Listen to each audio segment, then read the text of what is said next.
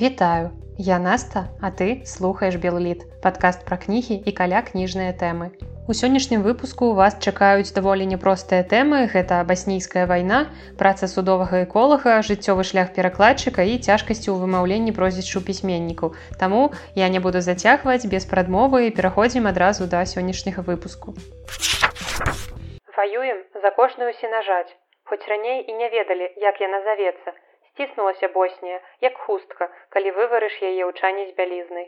Калі вы не асабліва разбіраецеся ці ўвогуле ніколі не цікавіліся гісторыяй і сучаснасцю краін было югаславіі то перад тым як чытаць першую кнігу сённяшняга выпуску хаця праю вам пагартаць у вікіпедыі артыкулы баснійская вайна і аблога сараева і калі у вас нармальныя нервы ўсё ў парадку то таксама раю яшчэ пачытаць артыкул разняў срэбраніцы Гэта ўсё вельмі важна для разумення кнігі, бо аўтар у гэтым творы не будзе расказваць пра канкрэтныя баявыя дзеянні, пра тое, да чаго гэта ўсё прывяло ці наадварот, як так сталася, што гэта ўсё пачалося. Такім чынам пра перадумовы, пра наступствы канфліктаў вы нічога не даведаецеся з гэтай кнігі, але вайна ідзе жыццё насельнікаў абложнага сараева ідзе і вось пра гэта піша міленка ергавіч у зборніку апавядання ў сараюўская мальбара які сёлета выйшаў у выдавестве янушкевич у перакладзе Сергея шупы. Якой бы безвыходнай не падавалася сітуацыя Я думаю што варта не губляць пачуццё жыцця і таму героі ергавіча апісваюць выбухі абстрэлы так нібыта гэта ўжо проста натуральная частка іх краявіду. Давар сёння раніцай пайшоў па ваду Можа, зайшоў да сябра на бістрыку, можа, схаваўся ў кавярні ад мінамётнага абстрэлу. Можа, застаўся на абед у цёткі разаліі, можа, некага сустрэў. І страшна падумаць, што такія рэчы сталі для людзей паўсядзённасцю. Можа, ён сустрэўся з сябрам, можа, яго ўжо няма, бо ён трапіў пад абстрэлы. Ну нічога незвычайнага звычайны дзень і зразумела што для нашага часу ў беларусі гэта не найлепшая чытанка бо было даволі непроста чытаць гэтую кнігу і не праводзіць паралелі з нашымі цяперашнімі абставінамі і вядома ж мы не можемм параўноўвацца з жыхарамі абложнага гораду але рэчы многія якія нам падаваліся дзікімі яшчэ год таму і мы да гэтых рэчаў цяпер абсалютна натуральна прызвычаіліся. І многае што выклікала ў нас абурэнне ў 2020 годзе летом напрыклад гэта цяпер просто чарговая дэталь нашай цяперашняй паўсядзённасці. Ўжо просто неяк выключылася гэтая рэч якая адказвае за здзіўленне пры чытанні навінаў. І як спявае віталь рыжкоў сваёй песні хімера атрутныя іклы. Мы да ўсяго тут такія звыклыя што нават роспач нам перастала быць прыкрая шчасці і радасці з так і жыхары босніі яны просто так шмат перажылі што да ўсяго звыкліся і ў апавяданнях ергавіча перад намі паўстаюць просто жывыя людзі са сваімі патрэбамі праблемамі. І тут няма ніякай палітычнай маніфестацыі няма апраўдання або асуджэння варагуючых бакоў. Ёсць толькі асабісты вопыт людзей якія навучыліся жыць у гэтай вайне нібыта яна стала просто для іх звычайным фонам і гэта просто чарговае пацверджанне таго што чалавек можа прызвычаецца да любых нават самых нечалавечых умоў. Знаходзіцца на вуліцы небяспечна, але яшчэ больш небяспечна, калі ўсё жыццё пройдзе міма цябе і таму кожны дзень жыхары сараева прачынаюцца раніцы яны бяруцца за свае нармальныя прывычныя справы яны працуюць яны ходзяць у госці яны сябруюць яны кахаюць. Бо толькі такім чынам ты можаш не звар'яцець. Апавяданні не звязаныя паміж сабой. Аўтар нібыта проста падняўся на пэўную вышыню над абложным горадам выбраў пэўную кропку і нырнуў гэтую кропку і потым апісвае нам жыццё тут і цяпер апісвае ўсё што бачыць невялічкія эпізоды з жыцця. Прычым яны там не толькі трагічныя яны былі смешныя там было мноства вельмі кранальных эпізодаў. І наймацнейшае мне падалося апавяданне ў зборніку гэта апошняе апавяданне якое называется бібліятэка гэта вельмі балюча для чытачоў для людзей якія любяць кнігі якія цэняць кнігі. І гэта гісторыя таго як 25 жніўня 1992 года была зруйнаваная нацыянальная універсітэцкая бібліятэка ў сараеве. Яна згарэла пасля абстрэлу і разам з ёй знікла вялікая колькасць каштоўных матэрыялаў. Прычым частку рукапісу просто скралі а жыхары горада спрабавалі хаця б нешта ўратаваць. Пры гэтым самі знаходзіліся пад снайперскім агнём. І тут бібліятэку ўвогуле можна разглядаць у якасці вобраза ўсяго горада абстралянага спаленага і знішчанага. Ерхавіч добра валодае словам гэтую кнігу просто прыемна чытаць і яе можна разбіраць на цытаты ці анекдоты нават нягледзячы на тое што тэма ў кнігі даволі няпростая завялася ў калектыве мода каб усе записываліся югаславамі спыталіся у івт хто ён а ён на тое ну вядома ж харват Калегі дзівіліся, а ён ім: такі я нарадзіўся і не магу гэтага змяніць. А калі я вам нічога не значу як харват дык што ўжо буду значыць як югаслаў Калі вы маеце ўяўленне пра культуру гэтага рэгіёну, то ў апавяданнях Ергавіча вы яе напоўніцу адчуеце, бо гэта вельмі яркі, вельмі каларытны балканскі паўвостраў, жыхары якога нават у час вайны не губляюць сваёй непаўторнасці і такой прыемнай дуркаватасці, назаву гэта так.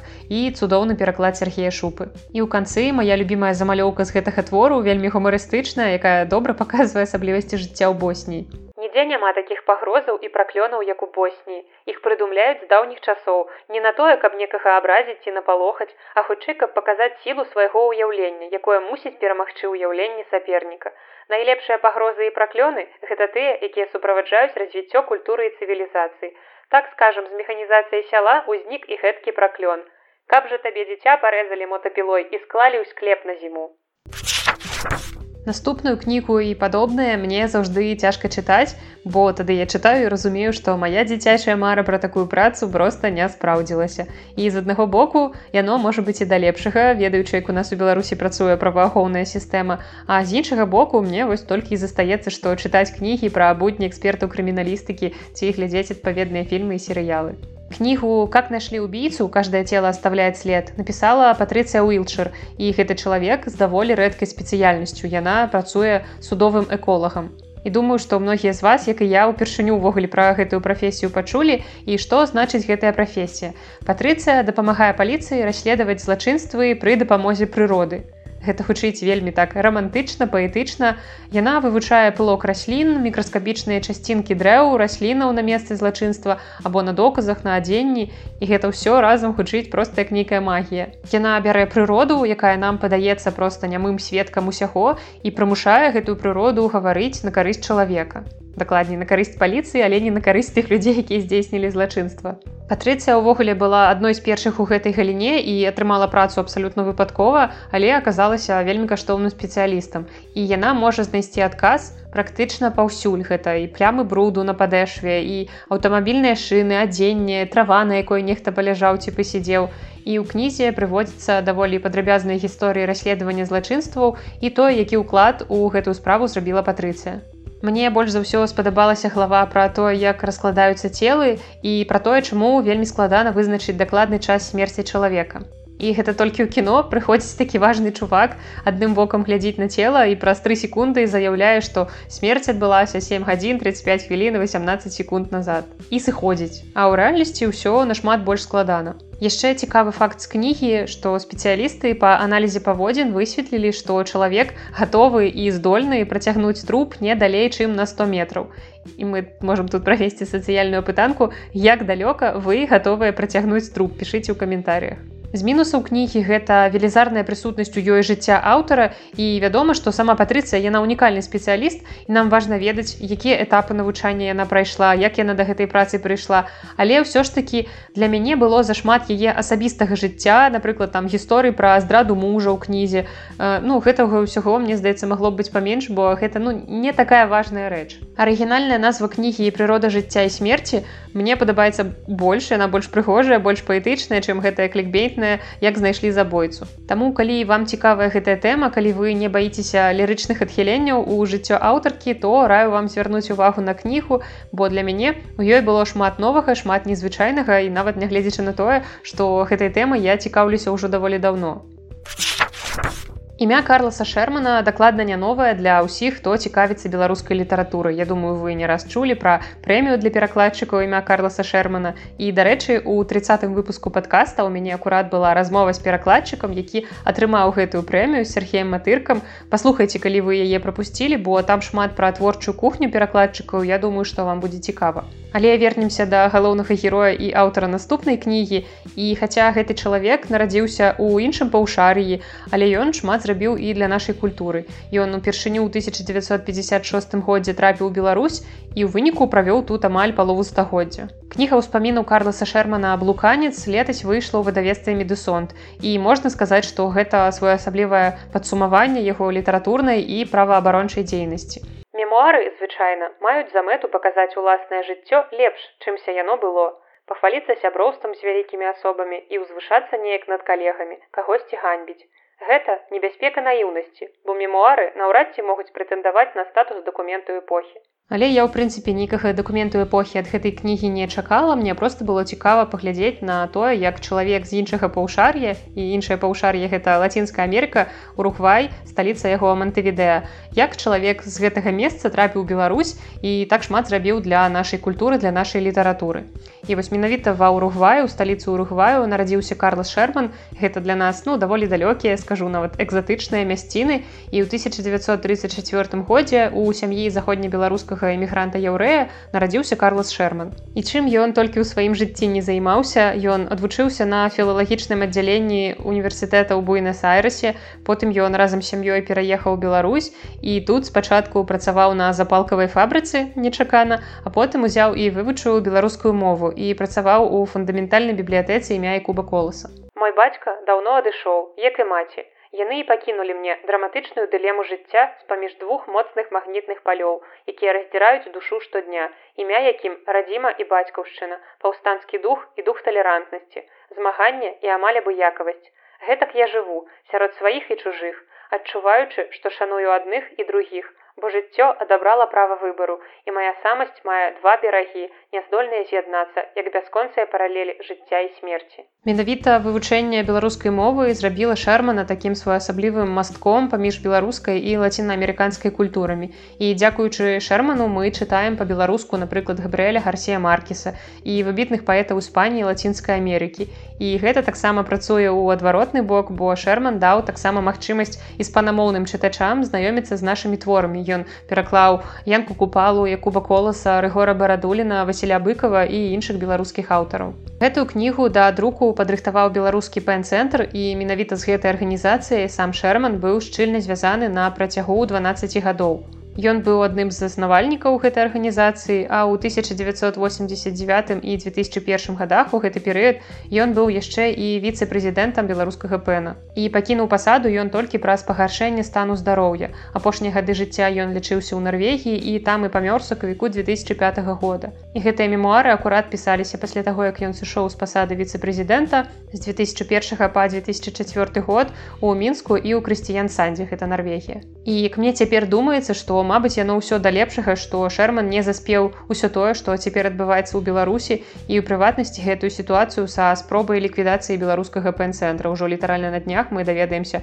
пра лёс гэтай арганізацыі і будзе даволі сумна калі гэта арганізацыя з такой вялікай гісторыяй з такой колькасцю людзей якія ўдзельнічалі ў працы гэтай арганізацыі калі гэта ўсё просто знікне і скончыцца гісторыя гэтага цудоўнага месца якое было так заўжды прыемна наведваць.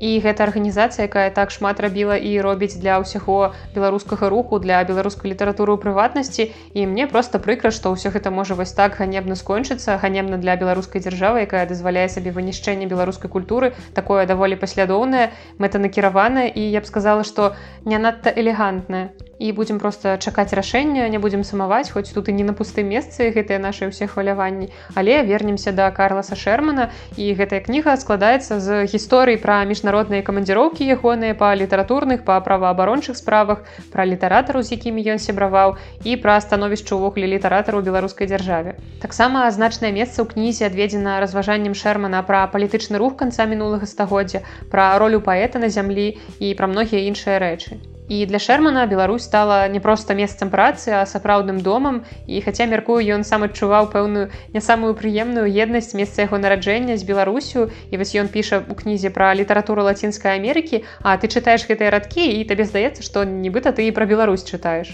Бывала і так, што пісьменнік друкаваў кніжку за ўласныя, а хутчэй пазычаныя сродкі, а потым мусіў клапаціцца пра продаж звычайна невялікага накладу, ісці да гандляроў, якія бралі некалькі асобнікаў на спробы рэалізацыі, а часта вярталі і іх. У выпадку продажу аўтар атрымліваў і свой прыбытак 8соткаў ад наміналу. Гэта значыць пры малых накладах слёзы. Заставаліся яшчэ і публічныя чытанкі, дзе прысутныя набывалі квіткі ды кніжкі. Права быць пачутым давалася цяжка, далёка не кожны прабіваўся да чытача. Некаторыя з разважанняў шэрмана ў гэтай кнізе набылі цяпер у беларусі новы сэнс і пры чытанні становяцца сапраўднымі трыгерамі. Эміграцыя гэта амаль заўжды трагедыя і нават найбагацейшаму эмігранту, які нібыта дасягнуў усяго ў жыцці, баліць радзіма і адчуванне жудаснай адлегласці ад сябе самога. Другасная эміграцыя альбо міграцыя вяртання часцяком не менш трагічная. З аднаго боку, чалавек мусіць пачынаць жыццё нанова ў іншых часамі неспрыяльных умовах. З другога ён можа сутыкнуцца з варожасцю асяродку, а таксама на агул трапіць пад жорсткія рэпрэсіі і нават загінуць, як гэта адбылося неаднойчы ў розных краінах свету. З усіх беларускіх літаратараў, з якімі камунікаваў сябраваў Карла Шэрман, часцей за ўсё ў гэтай кнізе сустракаецца Васіль быкаў. Яны сябравалі і таму Шэрман спрабаваў нам паказаць абсалютна іншага Васіля. На агул грамадства намалявала сабе вобраз крыху жорсткага, нелюдзімага, склапнага на словы заўсёды спахмурнелага быкова. Насамрэч Васіль быў пяшчотным вясёлым чалавекам, выдатным імкненным карыкатурыстам, адданым сябрам, заўсёды гатовым камусьці дапамагчы, нават не маючы чым. І гэтым, дарэчы, паспяхова карысталіся. Ён не любіў публічнасці сваёй асобы, часцей нагадваў пра тое, што сам лічыць сябе прыватнай персонай. Аднак, калі гэта было патрэбна, ён выказваўся мужна і вельмі дакладна, бо праўда была стрыжнем характару, маральнай апораю і сэнсам ягонага жыцця. Кніга блуканец дазваляе нам зазірнуць на творчую кухню так званую таленавітага пісьменніка і перакладчыка, які нарадзіўся так далёка ад Беларусі, але пры гэтым арганічна пісаўся ў нашу культуру і стаў яе неад'емнай часткай. І ў канцы прывяду яшчэ колькі цытат з кнігі, каб вас яшчэ больш заахвоціць да чытання. Толькі адзінкі здольныя падняць на сваіх плячох грамадства. І тое шляхам упартых, але вывераных крокаў, праз вязніцы катаванні і кроў, калі лёсу заўгодна. Гэтыя адзінкі, прарокі ў сваёй айчыне, шаноўныя, але бяспыхі ў душы, стануцца даверанымі асобамі люду. Яны абвесцяць забыты, але нанова сфармуляваны алесем адамовічам 11 запавет. Не бойся. Інакш перамога над жахам ператворыцца ў яшчэ адну маску кепска схаванай слабасці, якая адно што гжэчна гаворыць пра ўласную адвагу ў вузкім коле ёй падобных масак. Вопыт падказвае, што чалавек грамадства не зведаю болю, пакуль не ўпадзе з каня пасады, Аднак справа і ў тым, што нябачныя спружыны і хітранькія камбінацыі палітычных гульняў, чынненькія мэты хаваюцца ад шырокай публікі, якая знаёміцца толькі з абалонкаю дзейнасці ў выглядзе паводзінаў на людзях, прамоў і феміяму афіцыёзнай прэсы. Таму псіхалагічны партрэт улады, які стварае кожны чалавек на выснове ўласных назіранняў, супадае з рэчаіснасцю зрэд час, што даказваюцца тэалагічныя пытанкі насельніцтва. Палітыкі засвоілі гэта здаўна. Яны карыстаюцца становішчам адсутнасцю якаснай і праўдзівай інфармацыі, нізкім роўнем палітычнай культуры і робіць сваё. Расплата будзе, а калі немавед. Менавіта гэта стварае атмасферу безадказнасці і карупцыі ў розных эшалонах уладнай піраміды, накочвае новыя хвалі непралічаных рашэнняў і ўзмацняе дэмагогію, без якой улады ўжо не ўтрымаць. Гэта, дарэчы, звычайная практыка, спрадвечнае імкнення, сэнс жыцця палітыка, Тое, што публіка не ведае альбо лёгка забывае дзеля самападману, маўляў, не, не можа быць. Прэзумцыя даверу ніколі не страчваецца цалкам. Там, дзе пануе дыктат, яна скарачаецца, нібыта шчыхрынавая скура, і толькі рэпрэсіўныя інстытуты надзяляюцца ёю часткова, як узнагарода за жорсткую лаяльнасць. Меліцыян, збіўшы грамадзяніна, мае права выступаць у судзе сведкам, вядома, не супраць сябе, і суд мусіць даць веры яму, бо толькі на яго паўсюджваецца прэзумцыя даверу. Гэты прыкры парадокс адлюстроўвае становішча з правамі асобы ў Беларусі. Зразумела, славутая прэзумцыя даверу толькі праваахоўнікам узнікла нібыта ў так званай барацьбе з карупцыяй і злачыннасцю.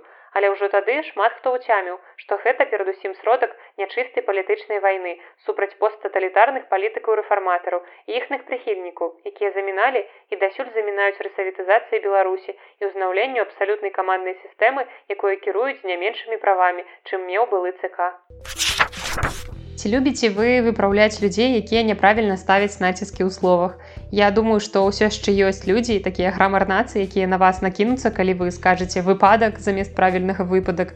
Але ў цэлым мне падаецца, што ўсе крыху сталі больш лаяльнымі да гэтага даўно не парацца наконт націску але мне напрыклад адукацыя не дазваляе з гэтым змірыцца але і на людзей я ўсё ж таки не накідваюся я чужых выпадковых людзей ніколі не папраўляю але знаёмыя часам просіць каб я звяртала ўвагу на любыя іх памылкі у тым ліку і на памылкі ў націску і перыядычна я адзначаю у імёнах якіх пісьменнікаў людзі часцей за ўсё робяць памылкі калі іх вымаўляюць я напрыклад там гляджу відэа кніжных блогераў ці слухаю падкасты ці просто з кімсьці размаўляю пра кнігі і таму сёння вас чакае падборка імёнаў пісьменнікаў з правільнымі націскамі і дзяліцеся ў каментарыях які націск стаў для вас неспадзяваным і адразу скажу што ў спісе толькі замежныя літаратары бо з беларускімі імёнамі нам здаецца лягчэй разаобрацца я так і не змагла прыдумаць ніводнага складанага таму калі вы ведаеце такіх то таксама пішыце І мы пачынаем з таго, што пераносімся ў далёкую Аргентыну, дзе пэўную частку свайго жыцця жыў пісьменнік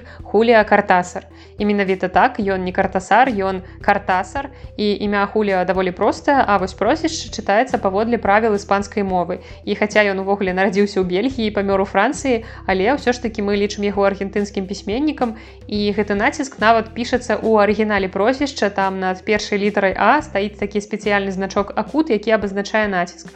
Таму такім чынам хулія картасар. А наступнага пісьменніка як бы не хацелася чытаць у рыфму у тым цудоўным вершыку, дзе накруціў кішкі на кранік, але ўсё-ткі ён чак паланік, а не паланік.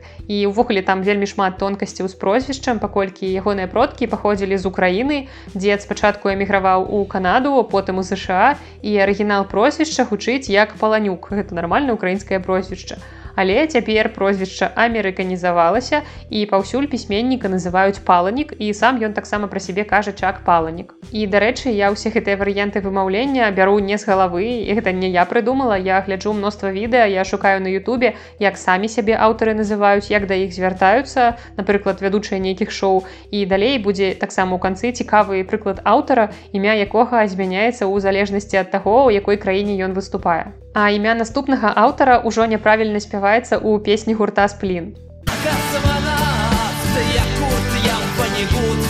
І ты слухаеш, падпяваеш, а потым успамінаеш, што ён усё ж такі не ванігуд, а вонігуд. І вельмі часта яго вымаўляюць з націскам на апошні склад, але сам пісьменнік настойваў менавіта на такім націску на першы склад вонігуд. Ну а чэшскага пісьменніка мілана кундару крыўдзіць двойчы таму што звычайна робіць памылку і ў ягоным імені і ў прозвішчы называюць яго мілан кундэра. Гэта няправільна. У чэшскай мове націск ставіцца на першы склад і таму напрыклад пісьменнік гашак ён ярослаў а не ярослаў але вось імёны які ў нас маюцца ў нашай традыцыі ў беларускай мове мы можемм вымаўляць так як прывыклі. Таму мы можемм казаць ярослаў мы ж не кажам адам міцкевич мы вымаўляем адам так вось і з ярославам але мілан кундара менавіта так вымаўляецца з націскам на першы склад. Нягледзячы на падманлівае італьянскае прозвішча нобелеўскі лаўрэат 2014 году патрык мадыяно француз. Таму не трэба вымаўляць яго як патрык мадыяна, ён патрык мадыяно.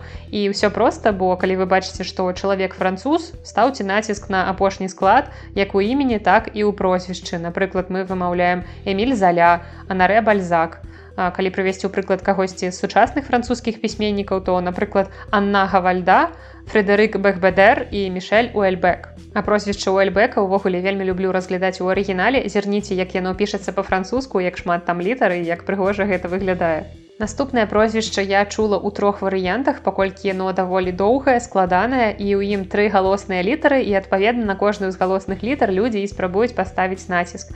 Але правільны варыянт усё ж такі пасярэдзіне ён Фрэнсіс Скотт Фітджеральд.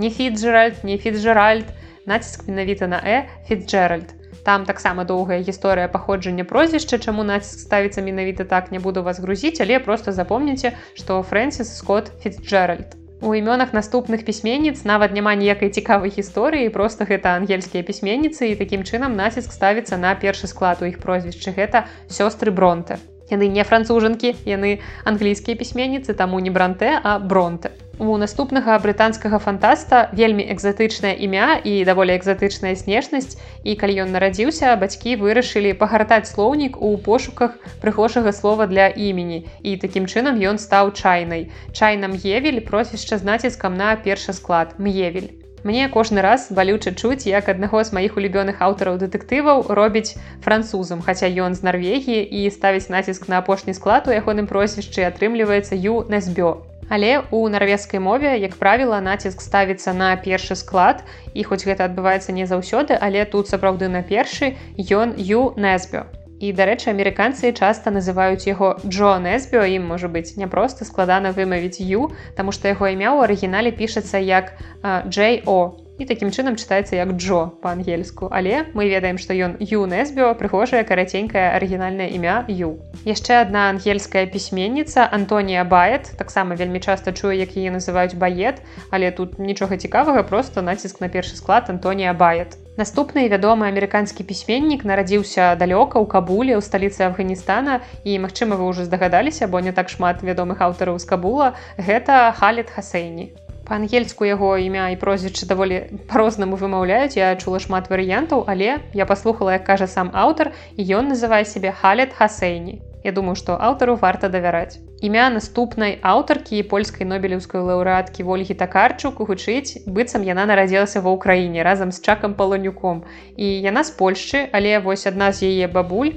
акурат украінка але ўсё-ткі ў польскай мове націск ставіцца заўсёды на перадапошні склад так што яна ольга такарчук а не такарчук І нарэшце той самы аўтар, які мае некалькі варыянтаў імені ў залежнасці ад мовы, гэта Жаэль Дзікер, швейцарскі пісьменнік і па-французску яго імя чытаецца з націскам на апошні склад. Тут усё паводле правілаў Жаэль Дзікер.